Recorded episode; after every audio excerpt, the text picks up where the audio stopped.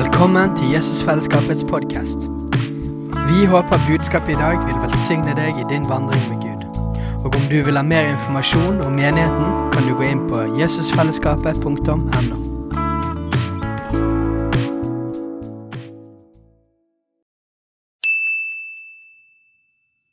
Hei! Visste du at Jesusfellesskapet starter en ny bibelskole til høsten? Den heter Jesusskolen og starter den 3. september. Gå inn på jesusskolen.no for mer informasjon. Takk skal du ha. Veldig bra. Ja, veldig fint å være tilbake i eh, Jesusfellesskapet. Eller på her Hva heter det her oppe på Kronstad? Ja, jeg tenkte på det. Eh, så det er veldig fint å være her. Og det var veldig fint Det var vel i mai, var det ikke det? Begynnelsen av mai. Jeg husker ikke detaljer på datoene, men det var ca. 28. eller noe sånt. Ja, ja, du vet ikke mer du se på det. Men det var veldig fint å ha med Steinar her og Fredrik. Og Håp var med, og så han der eh, Pete, Peter. Yes. Slava Boho. ja, han, eh, han, eh, var jo også med. Og hun jeg husker ikke hva hun heter, men det glemmer det, da. Betyr ikke så mye. Jeg får si som minus. Vi kom opp i en alder nå at du husker ikke alt sånn like godt som du husket før. Selv om jeg husker ganske mye, da. Ikke sant? Per Svein og og, eh, og, alt dette her. Så skal vi ikke gå inn på det. Men i alle fall, det var en som het Emanuel Minos. Han hadde sånn eventyrlig evne til å og Han snakket meget pent, og han var, eh, ja, snakket litt sånt. Og så, han hadde et sånn yndlingsuttrykk som du kunne lure på hva han mente med det. Og det var sånt 'Jeg glemmer det aldri, men jeg husker det ikke nå'. og når jeg var da yngre, så tenkte jeg hvordan går det an å si noe sånn? Men jo eldre du blir, jo mer forstår du hva han snakker om. Ikke sant? Jeg var besøkt en som var en veldig broder, eh, fin broder, som er 96 år. Og, vi satt og, og så sa jeg, hva var det han het, han der? Eh? Og vi satt en halvtime og fant ikke ut hva han het. Og så plutselig midt på natta da kom jeg på det. Men da var, da var det litt seint. Men det er veldig fint å være her i Jesusfellesskapet. Flott tur var det til Ukraina. veldig mange. Olaf var jo også med, da. Eh, så han bor jo, han er jo der nede nå, og jeg låner bilen hans. Så det er noen gode ting som kom ut av han reiste til Ukraina. Jeg får gratis bil. Halleluja. Men i alle fall så uh, har vi Jeg jobber jo på i Ukraina hele tida. Uh, og akkurat nå, neste prosjekt for oss nå det er at vi skal uh, utruste 1000 barn til, som skal ha skole i byen Kharkiv, tidligere hovedstad i Ukraina, før Kiev. Og det er en svær by som er veldig mye eh, skutt mot med granater. Så kan, og så skal de slutte med å ha eh, undervisning på nett. Så de skal ha fysisk undervisning, for det er viktigere og, for dem. Og da er den eneste plassen sånn mer eller mindre de kan ha det til, til, For når du samler 1000 barn, så må du tenke på sikkerhet. Og da er det neste prosjektet at vi skal utruste dem med eh, mat osv. Det er greit, eh, for det kommer 1000 barn på jernbanestasjonen, altså nede i undergrunnen der. Der er det jo trygt. Og der skal de samle det er jo helt sprøtt, men de skal samle da barn til undervisning der. Og der skal vi gi dem skolesaker, mat eh, hver dag og så alt så videre, eh, i samarbeid med lokale myndigheter. Og så er det jo klart at alt som vi gjør, det er jo er preget av at vi tror på Jesus. Halleluja. Trykker du på appelsin, så skal det komme ut appelsinsaft. Og trykker du på en kristen, så bør Jesus komme ut. Halleluja. Så, så vi, eh, vi, vi, vi under slår jo ikke hvem vi tror på. Men det går an å bruke huet og ha brennende hjerte og få inngang blant mennesker. Du trenger ikke si shakabahaya hele tida når du snakker med guvernører og høytstående mennesker. Det går an å bruke huet eh, ti minutter og så bare være i ånden etterpå. Du forstår hva jeg mener. Altså, Du kan kombinere eh, eh, det å jobbe med myndigheter, for da de gir oss åpenhet for å hjelpe mennesker, så gir de også oss åpenhet. Og Ukraina er ikke så som i Norge, vet du, at det Jesu navn er nesten forbudt å snakke om. Alt mulig annet kan du snakke om i Norge, men ikke om Jesus. Ikke sant?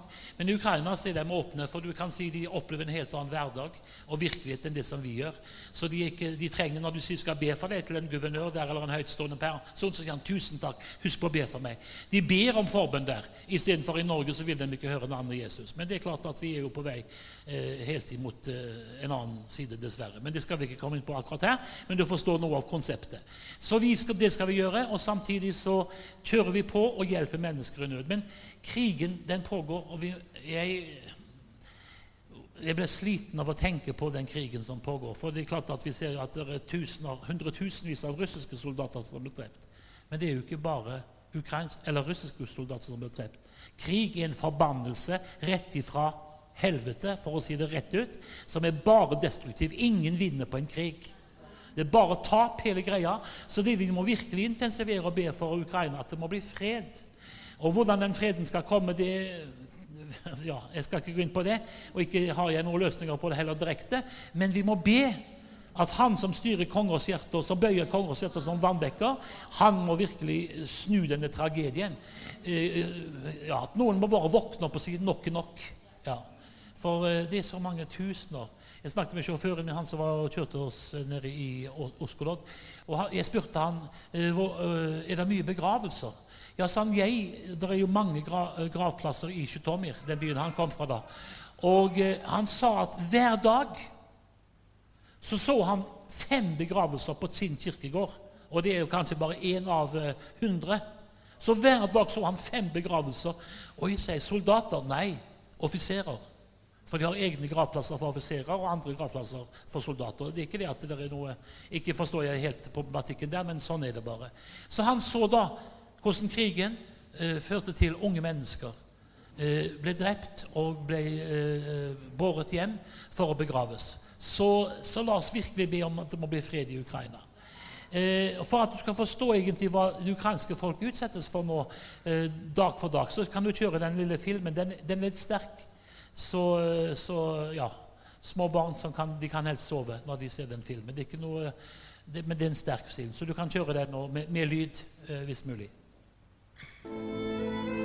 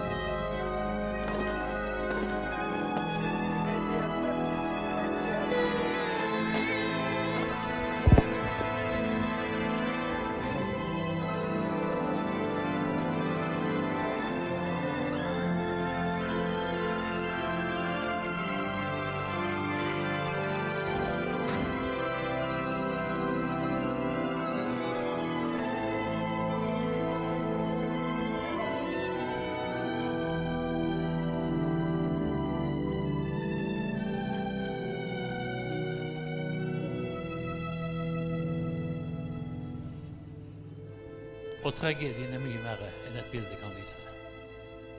Og dette her må det ukrainske folk oppleve dag for dag. Vet ikke om når du våkner på morgenen, hva som skjer.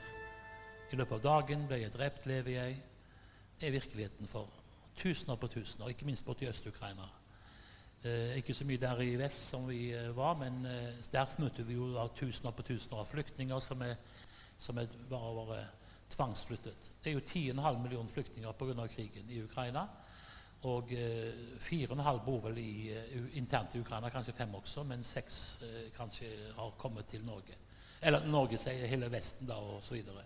Men saken er jo den at de som vi hjelper, og vi har hjerte for Det er klart Vi prøver å være hyggelige mot de som kommer til Norge òg, for det er viktig å støtte dem.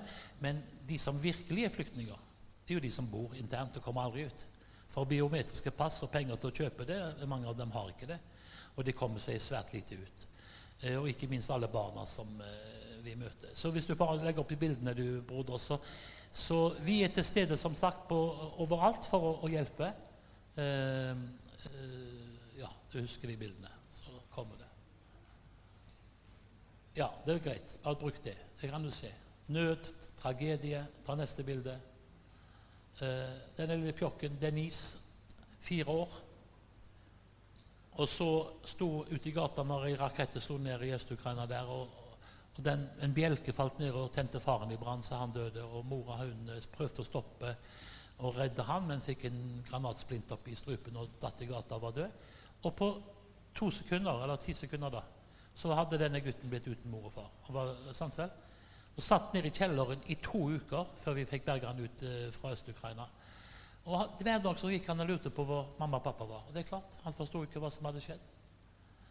Og lurte på hva som lukta. Og det som ikke han forsto, at det var dør folk i den kjelleren. For når ikke du har insulin og du ikke har sånn vanlige ting som du trenger for å overleve, så, så dør du.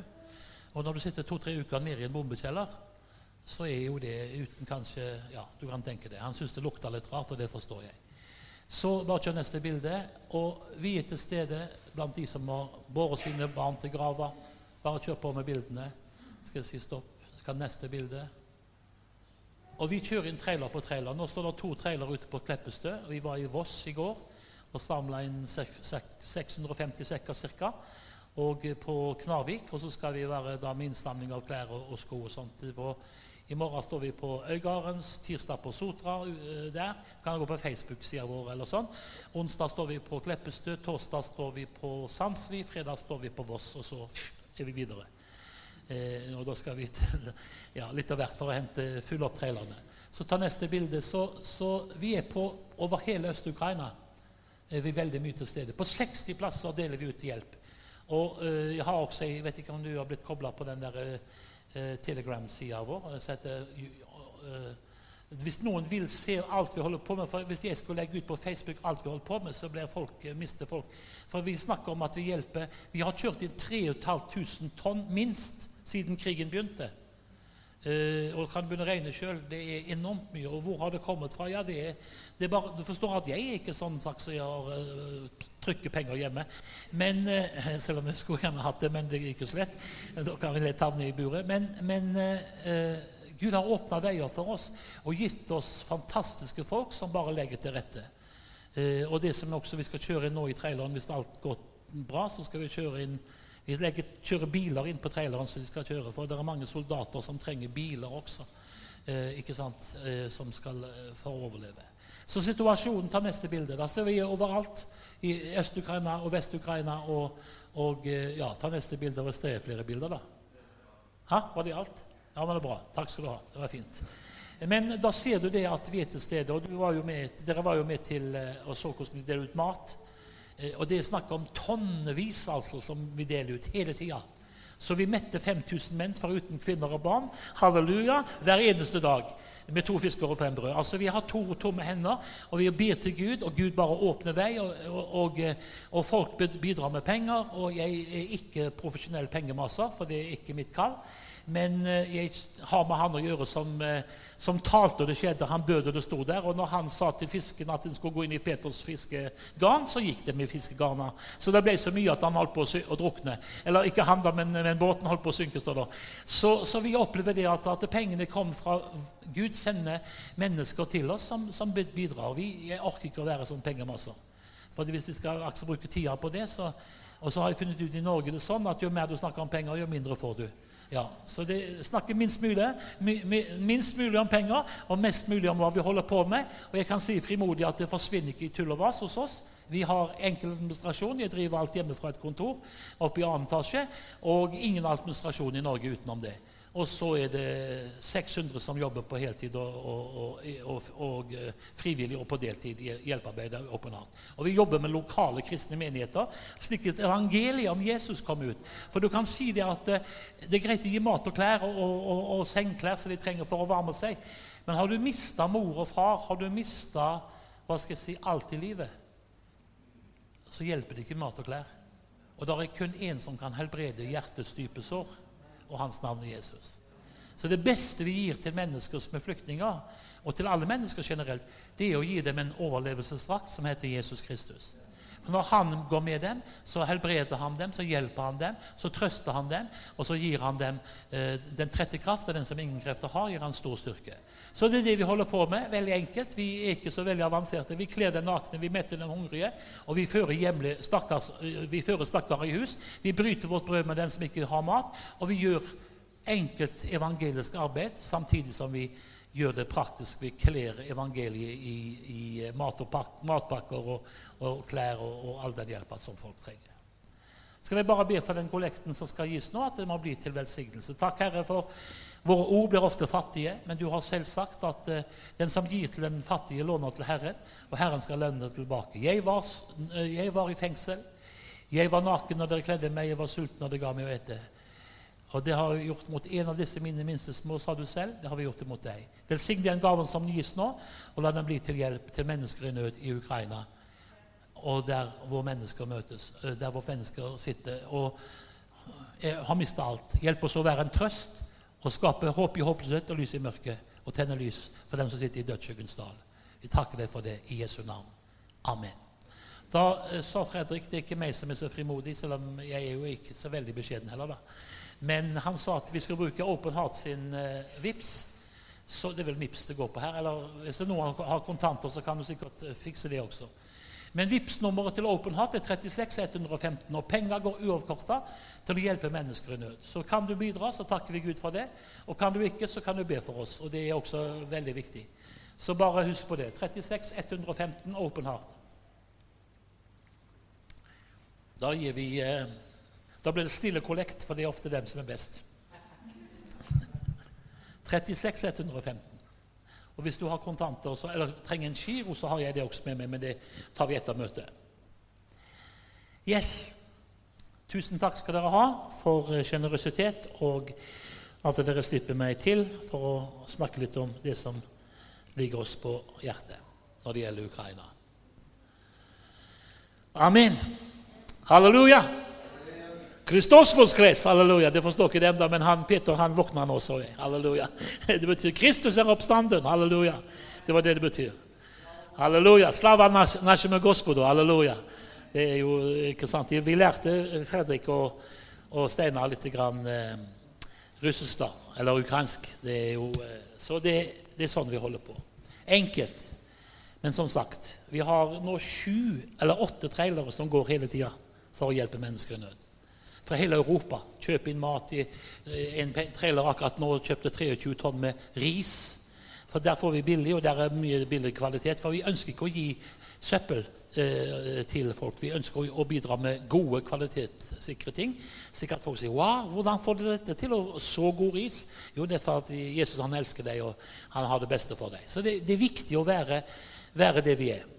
Så tusen takk skal dere ha for gaven, og Gud skal velsigne. Og Trenger du mer informasjon om Open Heart, så finnes du Open Heart på Facebook, eller du finner openheart.no på, eh, på, nettet. Så kan du lese om alt mulig rart der. Så enkelt er det. Da skal vi preke Guds ord, ikke sant? Ja, halleluja. Vi var jo oppe i oss, han hørte han Hulk Hogan, hva han het? Nei. Hæ? David Hogan, ja. Men han så jo ut som Hulk Hogan, spør du meg. han hadde gått rett inn i wrestling og fribryting, ja. Han så iallfall sånt ut. Så svært skjegg. Og du, du, du, hvis du eh, blir litt eldre så mister håret, så må du huske på at du må la skjegget vokse så mye at, at du ligner på han. Nei, nei, det var fin. Veldig flott kar å høre på. Eh, ja, Jeg fikk det ikke med meg alt, men mesteparten, så det var bra.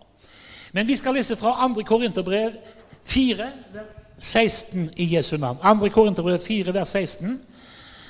Og Har du Bibelen med, så kan du slå opp der. men jeg, jeg, Der står det slik Jeg vet ikke om du har Bibel på stor skjerm, men det betyr ikke så veldig mye, for jeg leser det høyt og tydelig. Eh, der sier Paulus Det er Paulus som har sagt det. Du vet om han som var nyfrelst på Evangeliesenteret. Han skulle vitne, og så sa han at han hadde fått et ord som var så vidunderlig eh, som, Paulus eh, som, Paulus hadde eh, skrevet, som han sa. Men han, han, visste ikke om det sto i Det nye eller Det gamle testamentet. da var han jo ikke veldig skarp teologisk. Og, og, det var blitt så herlig for han, det ordet da. Det ordet han eh, da leste opp, det var dette. Du skal få en dag i morgen.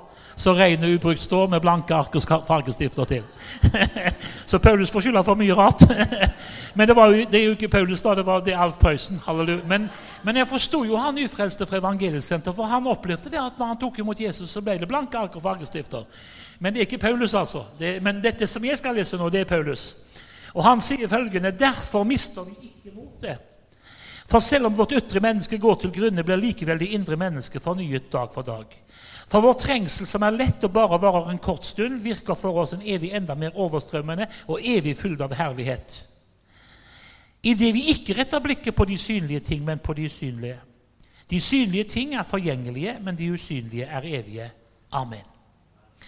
Det som jeg ønsker å snakke litt i dag, det er følgende viktigheten av å ha riktig fokus. Og Så sier Paulus her noe som kanskje ikke han der eh, Hulk Hogan eh, er så veldig mye å preke om, for han har nok ikke vært inne i den grøfta. Men Paulus sier derfor mister vi ikke motet. Altså går det an å bli motløs. Ja. Eh, han hørtes ikke ut som han har vært noen gang i den grøfta. han der, der han, han, typer amerikaner, vet du, de, de, de, kan alt og vet alt, så det er greit nok. Men altså, for oss andre dødelige som ikke bor i Amerika så sier Paulus faktisk at det går an å bli motløs. Og dere ser jo sjokkert ut, hele gjengen. For dere har kanskje ikke vært i den grøfta, noen av dere heller. Eller, eller noen som kanskje kan eh, være såpass ærlig og identifisere seg med faktum at det går an å bli motløs. Ja. Selv om du er kristen, så kan du bli motløs. Der har du Var det ikke håp? Nei.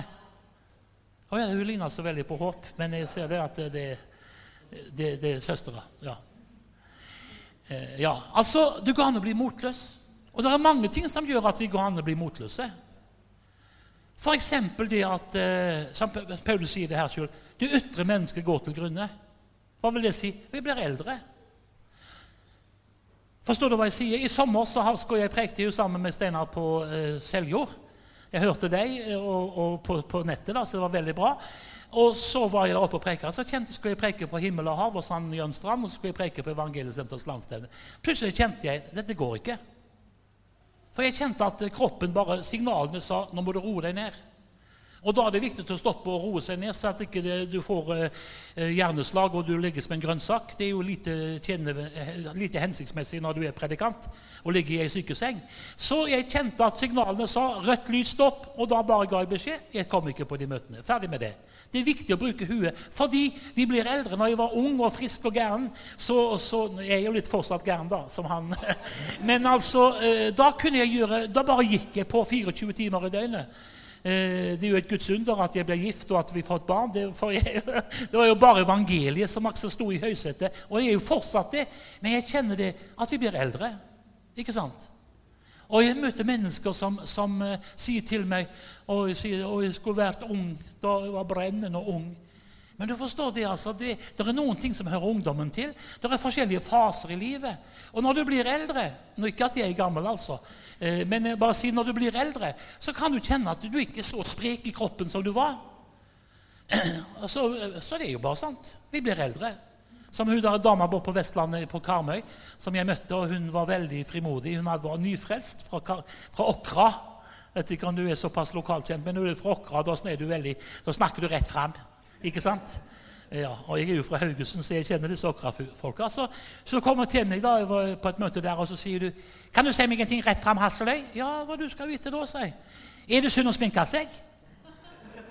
Ja, så sier jeg, 'Hvorfor spør du meg om sminking?' Jeg har ikke preket om sminking. Jeg. Men det var en predikant her i forrige uke. Han sa at det var synd å sminke seg. Altså, det var jo lovisk, da. Men jeg så, så, men, nå skal jeg vite hva mener du?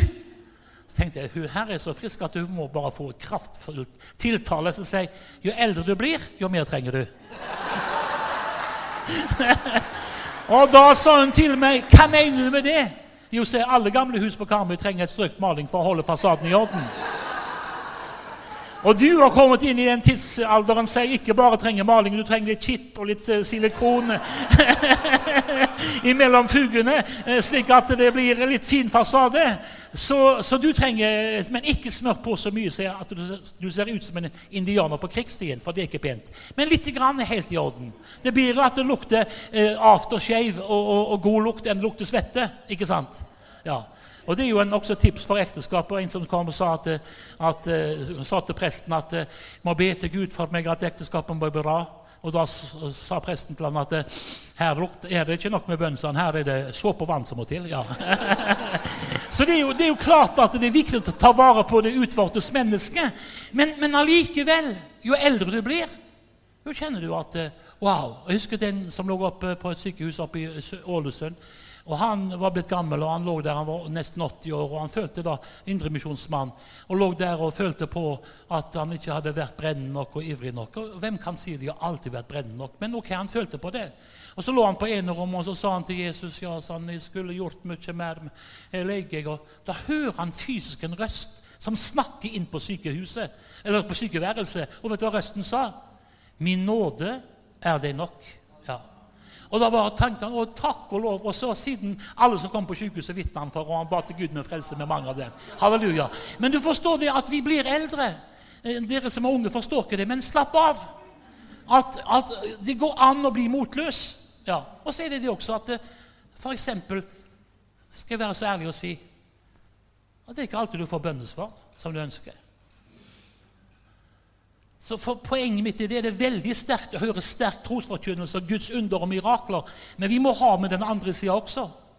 At det ikke alltid Og jeg har vært kristen nå i over 50 år, så jeg har sett bedt for tusenvis av mennesker, både til helbredelse, til tegnunder. Jeg har sett blinde se, døve høre, lamme gå. Jeg vet ikke hva jeg ikke har sett. Men sannheten er det er ikke alle som jeg ber for, som blir helbreda. Og hvis vi bare har fokus på denne tidsalder og det som skjer her og nå, så, så kan du miste motet. For det er ikke alt som går på skinner, selv om du tar litt tunger og ikke shakabahaya, broder. Vi er mennesker. Sykdom kommer, og sykdom går. Ikke sant? Og ikke alle like født med like store, bra gener heller. Jeg er født som å si, datt opp i gryta da jeg var liten, så jeg er jo som Obelix. Yeah, I'm going strong, praise God. Ikke sant? Men tenk på de som ikke er født sånn. Hvis jeg da bare doserer hvor fantastisk jeg er hvordan tror du de føler seg? Da kan du bli motløs. Ikke sant? Så det er ikke alle som får, ikke alltid jeg får bønnesvar. Men jeg hviler i Herren. Jeg stresser ikke på. Om ikke alt blir som jeg trodde det, så tenker jeg ok, da har jeg en annen plan. Det er mange ting som gjør at vi kan bli motløse. Men da sier Paulus hemmeligheten til ikke å bli motløs. For det er jo ikke det å snakke om at vi blir motløse, for det vet alle og enhver. Men hva er hemmeligheten for å ikke bli motløs? Ha riktig fokus. Hva er fokuset? Ikke på det ytre, men på det presis. Ikke sant? Hvis du bare tenker på de som lever livet i Bergen, og de er 60 år, og de ser at rynkene kommer, og de springer til plastisk kirurgi og løfter alt de har å løfte for å se fresh ut Det må være slitsomt å ha et sånt liv. For, jeg, for meg om jeg mista håret, det er ikke noe katastrofe, det. Det er jo herlig det å slippe å betale så mye penger på sjampo. Ikke sant? Men poenget mitt er det at hvis du bare har fokus på det ytre Tenk på de som bruker tusenvis for å ha fasaden i orden. Det er greit nok. Se flott ut. Jeg liker folk som tar vare på det ytre. Det er et tegn på at det er noe bra på innsida også. Men det viktigste det utvortes mennesker går til grunne. En dag så skal de i, i, legges i, i kista, og de skal begraves. Men vi har ikke fokus på det, undre, på det ytre, men vi har fokus på det indre. For vet du hva Bibelen sier? Om det utvortes mennesket går til grunne, fornyes det innvortes dag for dag. Ja. Tenk på det at vi kan få lov til å leve i daglig fornyelse. Og Jeg må si at jeg, jeg syns det er herlig å våkne på morgenen. Ofte så våkner jeg på morgenen med sanger i hjertet. Og Jo eldre du blir, jo mer ofte de gamle sangene som kommer. ikke sant? Og det er jo herlig. Jeg kan ofte våkne på, på morgenkvisten og ha en sang som rynger og synger i mitt indre. Og kjenner wow! Halleluja! Og når jeg får en sang som er herlig, og så jeg synger når jeg våkner på morgenen, da, det, da blir dagen bra, altså. For det utvortes godt til grunn. Men det indre kan du, Når du lever i ordet, lever i bønnen Kjære Jesus. Ikke sant? Ta litt i tunga på morgenkvisten. Det er herlig, vet du. Da Wigglesworth han sa at enhver eh, eh, pinsevenn skulle ta til tungene tunger, Var det en halvtime han sa hver morgen? Det er jo kanskje litt, Men kvarter, iallfall. altså, det er vidunderlig å kjenne at det, om det utvortes ikke er som det var, en gang var, så kjenner du det indre mennesket. Jeg elsker Jesus. Jeg kjenner jeg fornyes i mitt indre menneske dag for dag. Halleluja. Og vi trenger ikke bare årlige fornyelser, men vi trenger daglige fornyelser. Var en dame jeg traff som sa når hun hadde vært i Sarensdal, det var på den tida, og Da hadde hun hatt sin årlige fornyelse. For altså Det var stevne i Sarensdal, og det var årlig fornyelse. Så sier det holder ikke for meg. sier ja, Er det ikke bra i Sarensdal? Jo, jeg gått på bibelskole der. jeg sier, så det er veldig bra der. Men det nytter ikke bare med årlig fornyelse. sier. Det holder ikke, det. Du må ha daglig fornyelse.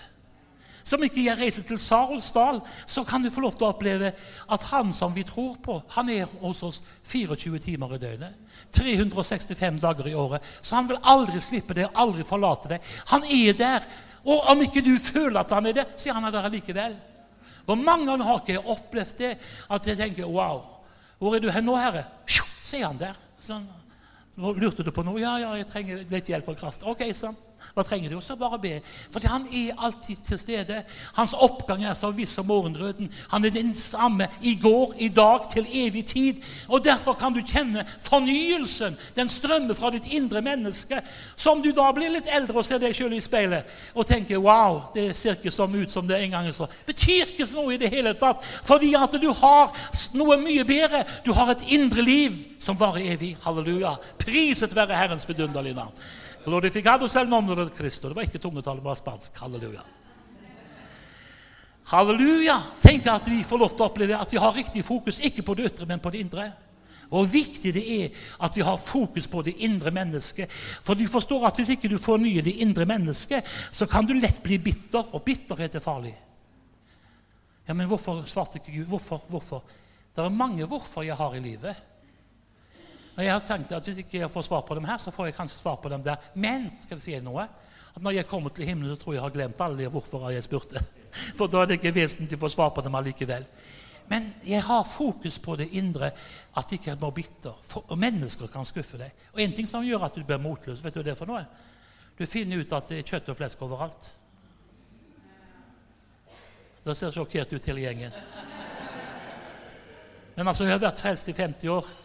Og jeg har møtt mesteparten av de kristne som fins i Guds forsamling. Det er flotte mennesker. Men det fins noen som ikke har vinger heller. det er mennesker. Jeg kan gå sikkert skru. Hadde du lært meg å kjenne, så hadde du sikkert funnet feil hos meg. Og det er ikke alltid jeg sikkert akkurat som jeg burde være. Jeg kan skuffe mennesker, og vi kan bli motløse hvis vi ser på mennesker. Men det viktigste er å ha fokus på Jesus og ta vare på det. Bevar ditt hjerte fremfor alt du bevarer, for livet går ut fra det. Ta vare på hjertet ditt. Det er veldig fint at du ser bra ut. Freshe, unge mennesker, og dere som er litt eldre også. Dere ser fantastisk ut, hele gjengen. Men det viktigste er ikke at du har eh, si eyelineren på plass, men at ditt hjerte er mykt og brennende for Jesus. Det er fokus nummer én. Ikke det ytre, men det indre. Ikke det synlige, men det presis. Det sier Paulus. Og det så, Skal du fullføre løpet Vet du hva jeg liker best av alt? Det er mennesker som er langdistansefolk. Jeg er veldig glad for folk som har brennende i ånden når de er nyfrelste og vitner sterkt. Men de som er enda sterkere, de møter mennesker som er 80 år, og som du kjenner de har fullført løpet. Snart skal de bryte målsnora, og de har bevart friskheten. Det er mye sterkere. Ja. Så derfor må du ha riktig fokus. Og fokuset er ikke det synlige, men det usynlige. Og hva er det usynlige, da, sier du? Ja, det fins mye her som ikke du ser. Den hellige ånd er Halleluja. Ja. Og Det er ikke alltid du ser ting med det fysiske øyet, men det virker allikevel. Jeg tar ofte det bildet fra Solastrand. Vet du hvor Solastrand er? Det er ute på utenfor Stavanger. der. En flott strand. Det blåser alltid, og det er kaldt og surt. Selv om på sommeren så det, så det var veldig varmt. Det var 13 grader i vannet. ikke sant? Ja, Du kjenner jo du bor jo i Bergen, så du vet hva jeg snakker om. Veldig bra vær, altså. Det er fantastisk. altså. Det var 15 grader i sjøen. Ja, Nå skal jeg ikke mobbe, men sånn er det. Jeg er fra Haugesund, så jeg vet akkurat Jeg bada da det var 6 grader. Jeg var ung og gæren. Men glem nå det. Så var det en gutt som var ute på Solastranden og kjørte med drage sånn, som går høyt. Og han kjente jo at den gikk så høyt at det gikk over skylaget. Så kom det en gammel gubbe der og var negativ. Hva du gjør, på, hva du gjør her borte? Kom deg hjem. Ja, jeg er her og kjører med dragen min. Kikka han opp, så så han ikke noe drage. Hva du snakker om, sa han. Det er ikke noe drage der oppe. Ti stille med deg, sa han. Kom deg hjem. Og så en sur, gammel grinepump. Han møtte dem. Og Da sa gutten at du kan jo si hva du vil, sa han, men jeg vet den finnes der oppe. Ja, Hvordan vet du det, sa han. Jo, jeg kjenner den napp i snora hele tida. Halleluja. Og det er så mange sier at Gud er død. Har du hørt sånn tull? Han er ikke sjuk engang. jeg kjenner jo hele tida Hva er det som vi opplever? Vi har jo kontakt med den evige verden. Ja. Det napper stadig i snora. Du får et ord fra himmelen. Du kjenner du får en sang.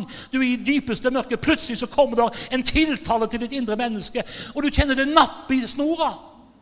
Og Det er derfor jeg fortsatt er still going strong etter 50 år som kristen. Det er jo ikke fordi at det er så fantastisk, men hele tida har jeg kjent den usynlige verden. Den er virkelig. ja. Og det er den vi må ha fokus på. For det, Hvis du ser på omstendighetene Når Peter holdt på og så på bølgene, da sank han. Ikke sant? Men så hadde han lært seg én ting. Han ba korte bønner. Halleluja.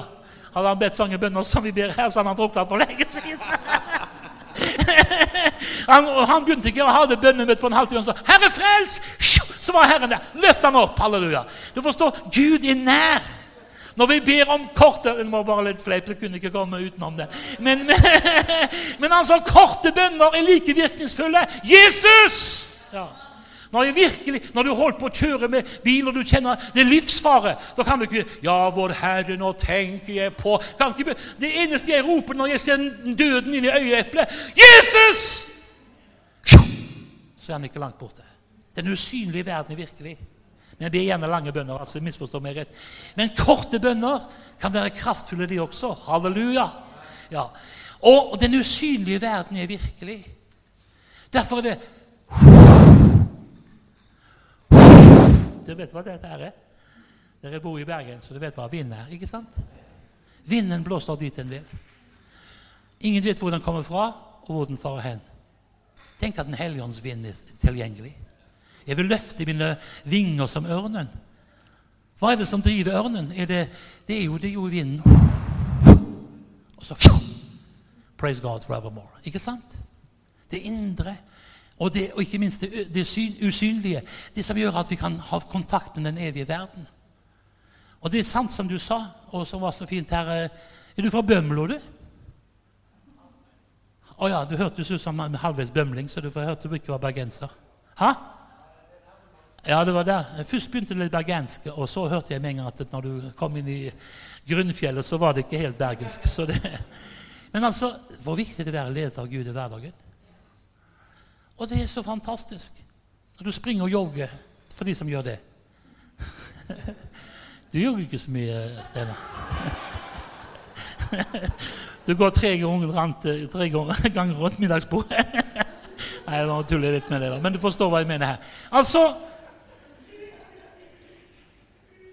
Så sterkt å høre det med han og han. Eh, jeg husker ikke navnet på det. Men det går an å være ledet av Den hellige ånd i hverdagen. Og Gud, han taler, vet du. Den som har ører, han hører hva Ånden sier. Jeg står ikke sa, men sier til menigheten. Gud taler hele tida, han. Han sover og slumrer ikke, Israels vokter. Han taler ofte til meg midt på natta, så hører jeg Herrens stemme. For han sover ikke, vet du. Ja, han er den samme i går og dag til evig tid. Jeg husker en fantastisk broder. Han heter eh, Hans Friberg, en pinsepastor eh, fra gamle dager. Flott mann. Han var sånn, veldig, sånn, veldig fasadefokus, ikke fokusert, men veldig opptatt med at alt skulle være strikk. Og kona var enda verre. Eh? Så han kalte henne for 'darling'. Du kan tenke deg, Jeg har aldri vært der og kalle kona for 'darling', for det er ikke helt min stil. Men det er mer eh, Kjære elskede, ikke sant? Det kan være bra. Men, eh, og, og, alt var helt strøkent med han. Og så hadde han vært på bibeltime i Tabormenigheten i København.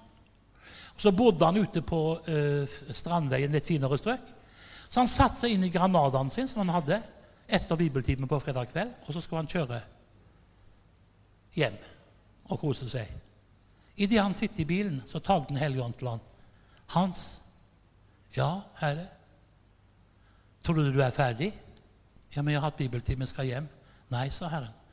'Du må kjøre ned til Nyhavn.' Og dere som, litt, dere som er litt, voksne her, dere vet hva Nyhavn Det er en plass i, i, København. Før var Nyhavn der alle de prostituerte gikk, og alle kneipene var. Der ingen pastor burde være. For gikk du der som pastor, da kunne du lett miste jobben. Ikke sant? Men Den hellige ånd sa til han, 'Reis til Nyhavn nå.' Og hele veien fra Tabor-menigheten til Nyhavn så ba han til Gud, 'Kjære Jesus, vær så snill, la ingen i menigheten se meg.' Ja.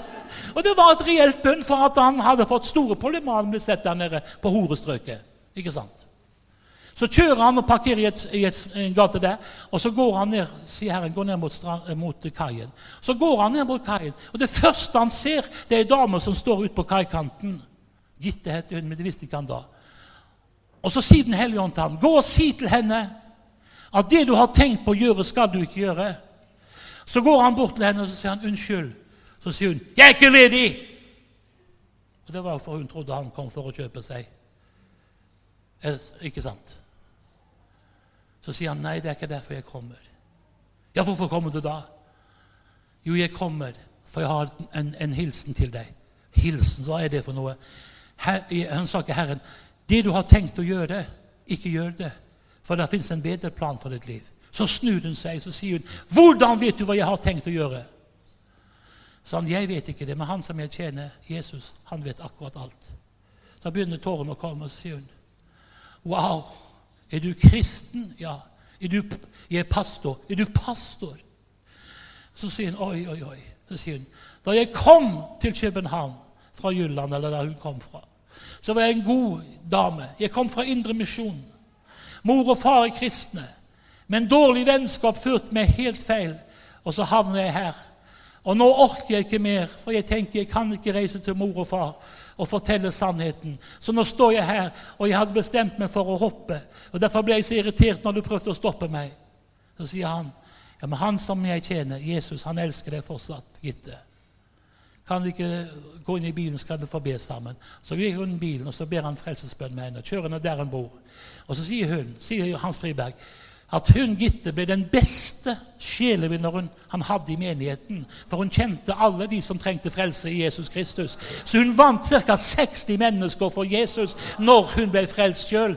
Halleluja. Hvordan begynte det hele? Ved at en mann var lydig mot Den hellige ånds tiltale og gjorde noe som han ikke burde gjøre, men gjorde det allikevel.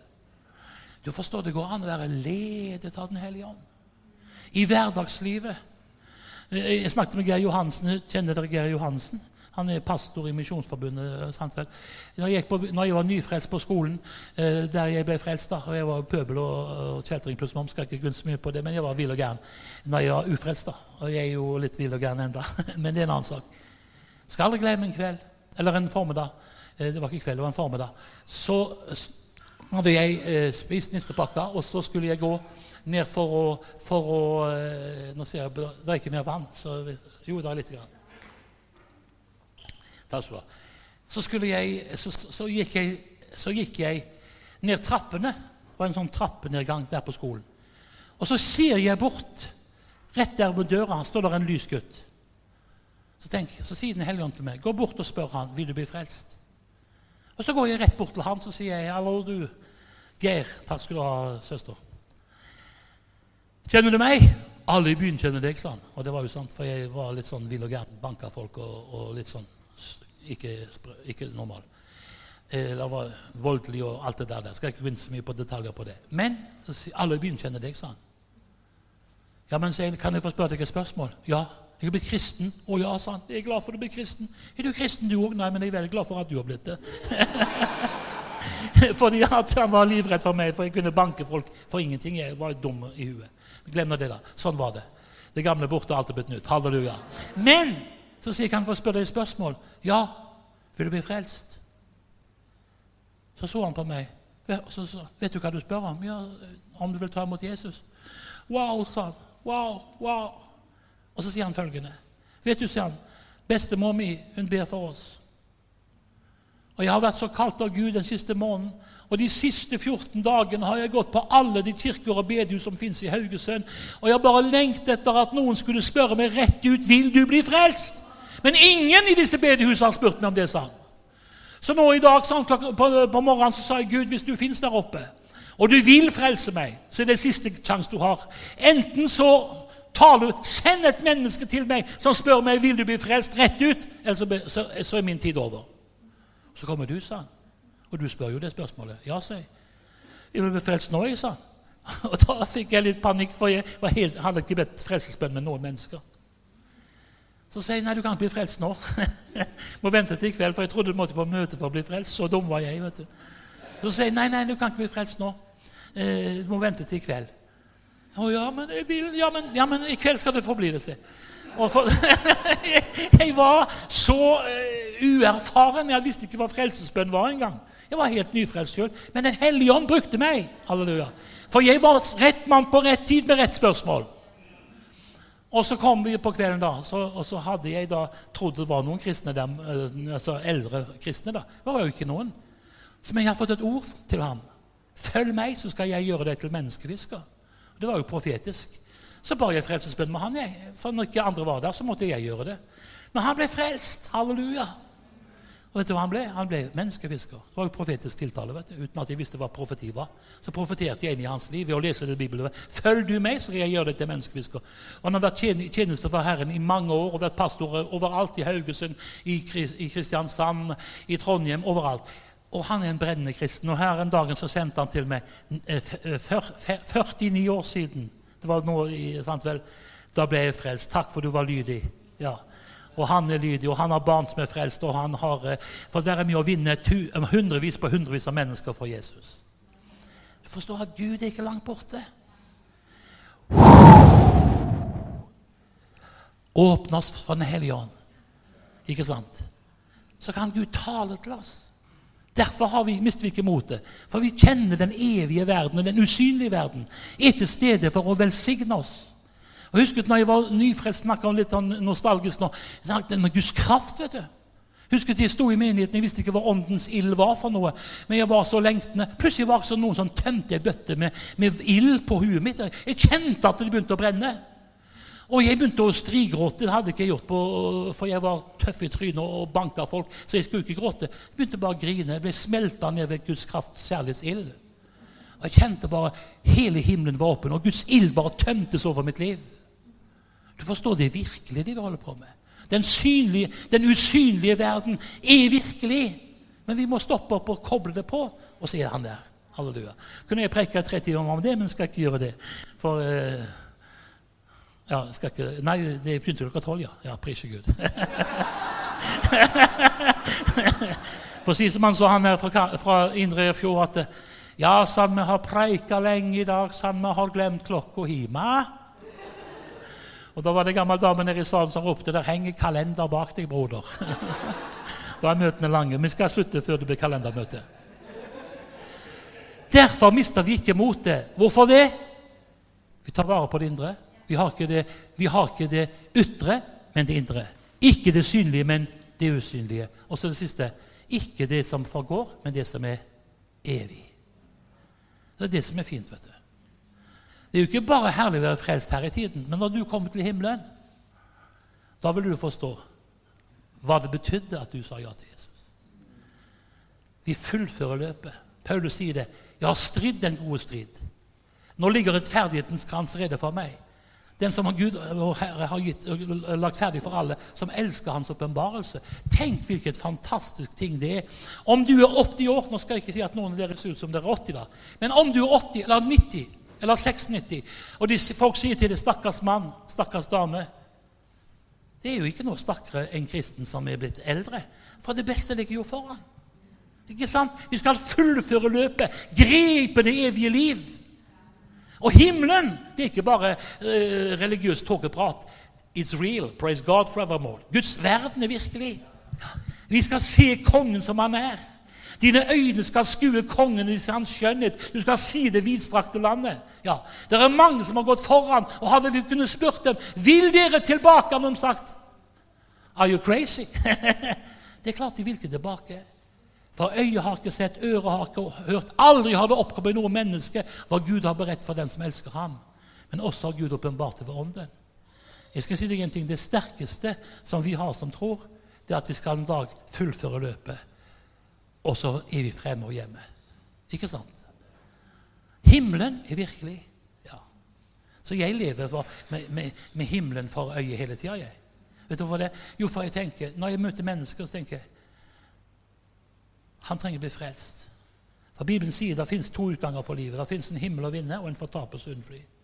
For så høyt har Gud elsket verden at han gav sin sønn det enbårne, for at verden som tror på ham, ikke skal fortapes, men ha evig liv. Derfor er det viktig å sende sitt brød på vannene. Vitne for menn. Hvis du blir minnet på å vitne for noen, vitne for dem! For hvem vet du kanskje at det du vitner for dem, det førte dem til frelse? Når de ligger der på slutten av sitt liv, så kanskje de tenker Han som snakket om Jesus, kanskje jeg trenger Og så kan en bli frelst ved at du var lydig.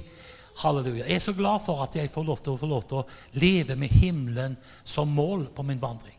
Ja. Guds verden, den er virkelig. Halleluja.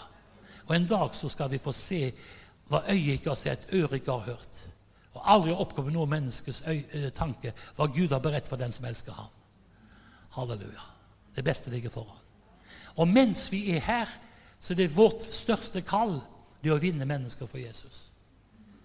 De som har ført mange til rettferdighet, som det har skrevet, de skal skinne som stjerner evinnelig alltid. Så det viktigste jeg har med meg til himmelen, vet du hva det er for noe? Jeg får ingenting med meg til himmelen. Ikke pengene, ikke huset, ikke noe av det som vi har. Ikke bilen heller. Det er ikke akkurat som vi roper høyre for, men det er sånn er det. Men de vi har vunnet for Jesus, de får vi med oss. Derfor er det viktigste vi gjør, det å vinne mennesker for Jesus. At vi ledes av Gud i hverdagen. At vi får lov til å koble på Guds verden, og at den er til stede og alltid vil gjøre sin virkning i våre liv. Halleluja. Løfte hendene, si Jesus tal. Jeg skal si deg en ting. Hadde du forstått hva som var her i møtet i formiddag, så hadde du virkelig søkt Gud enda sterkere. Altså, Misforstå meg rett. Men, men det, det er ikke langt borte. Det er nær. Akkurat nå var jeg sammen med en broder som heter Arild Fausa. Han er fra Ålesund. Veldig fin broder. Forholdsvis er han ikke nyfrelst nå, da, men han ble frelst. Han og kona hun heter Mette, og han heter Arild. er fra Sunnmøre, begge to. Det er en veldig sterk opplevelse. Han er en veldig traust mann. Jobba innenfor uh, Vågan Transport uh, i sin tid. Og så ble han frelst, da.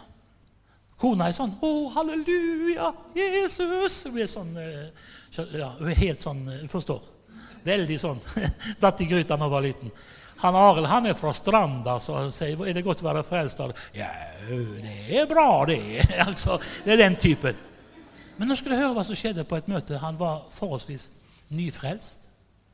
Og så gikk han på møte, så hadde en predikant som het eh, ja, jeg glemmer han nå, Anders Ova, tror jeg han heter. Som var fra, eh, fra, Norge, men han bor i, Bergen, i eh, Danmark. Og så sier han ble du med på møtet, Arild. Ja, jeg ble med på møtet.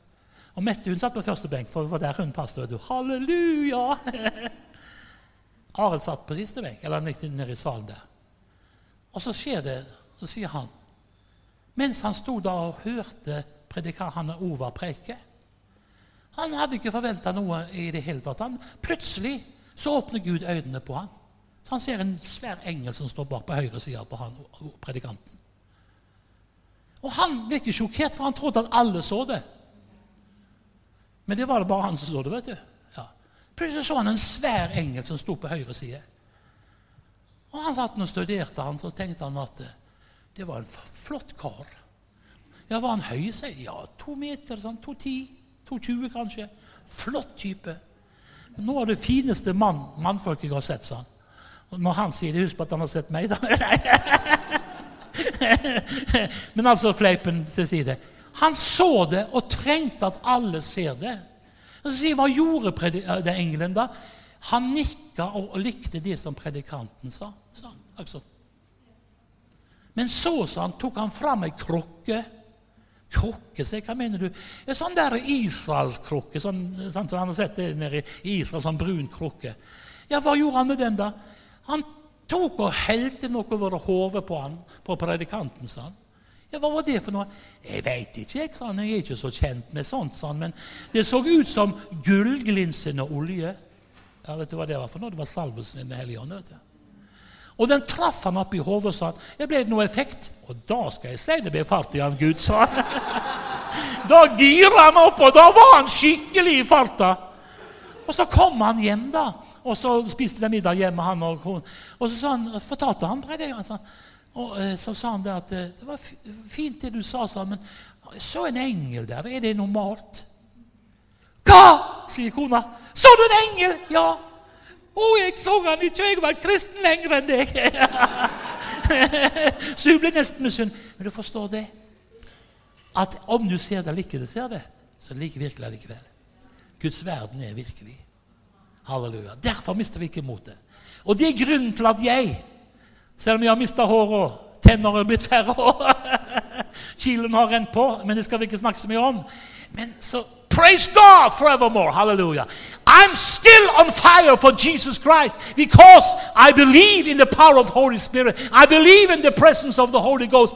I believe in the unseen world. Jeg tror på den usynlige verden. Og så vet jeg det at snart det er bare, Si at det er 15 år til, da. Jeg, hvis, det, hvis, ikke Herren kommer. Det kan gå fortere. Så skal jeg se Han. Og jeg har bestemt meg for jeg skal ikke fullføre med nederlag. Jeg skal fullføre med stil. Det er vel Jørn Strand han var der i går, forresten. så jeg, Han har jo skrevet en sang som jeg syns er fin, som går så her. Når jeg inntar himmelen, skal jeg gjøre det med stil. Jeg skal ikke krype inn med hjertet fullt av tvil. Nei, jeg skal komme i en fart så stor at inn i himmelen blir det svære bremsespor. I like that attitude! Jeg liker en sånn holdning. Vi må fullføre løpet. Djevelen vil at vi skal bli motløse og resignere. Men det kan skje for noen hver. Tenk på Elias under jølbusken. Men derfor er det viktig salvet øyne, så vi har riktig fokus. Ikke det synlige, men det usynlige. Ikke det ytre, men det indre. Ikke det som går, forgår, men vi vinner oss venner og vi vil bygge oss en rikdom i den evige verden. Halleluja. Nå skal jeg slutte, og nå har jeg slutta. Halleluja. Praise God forevermore.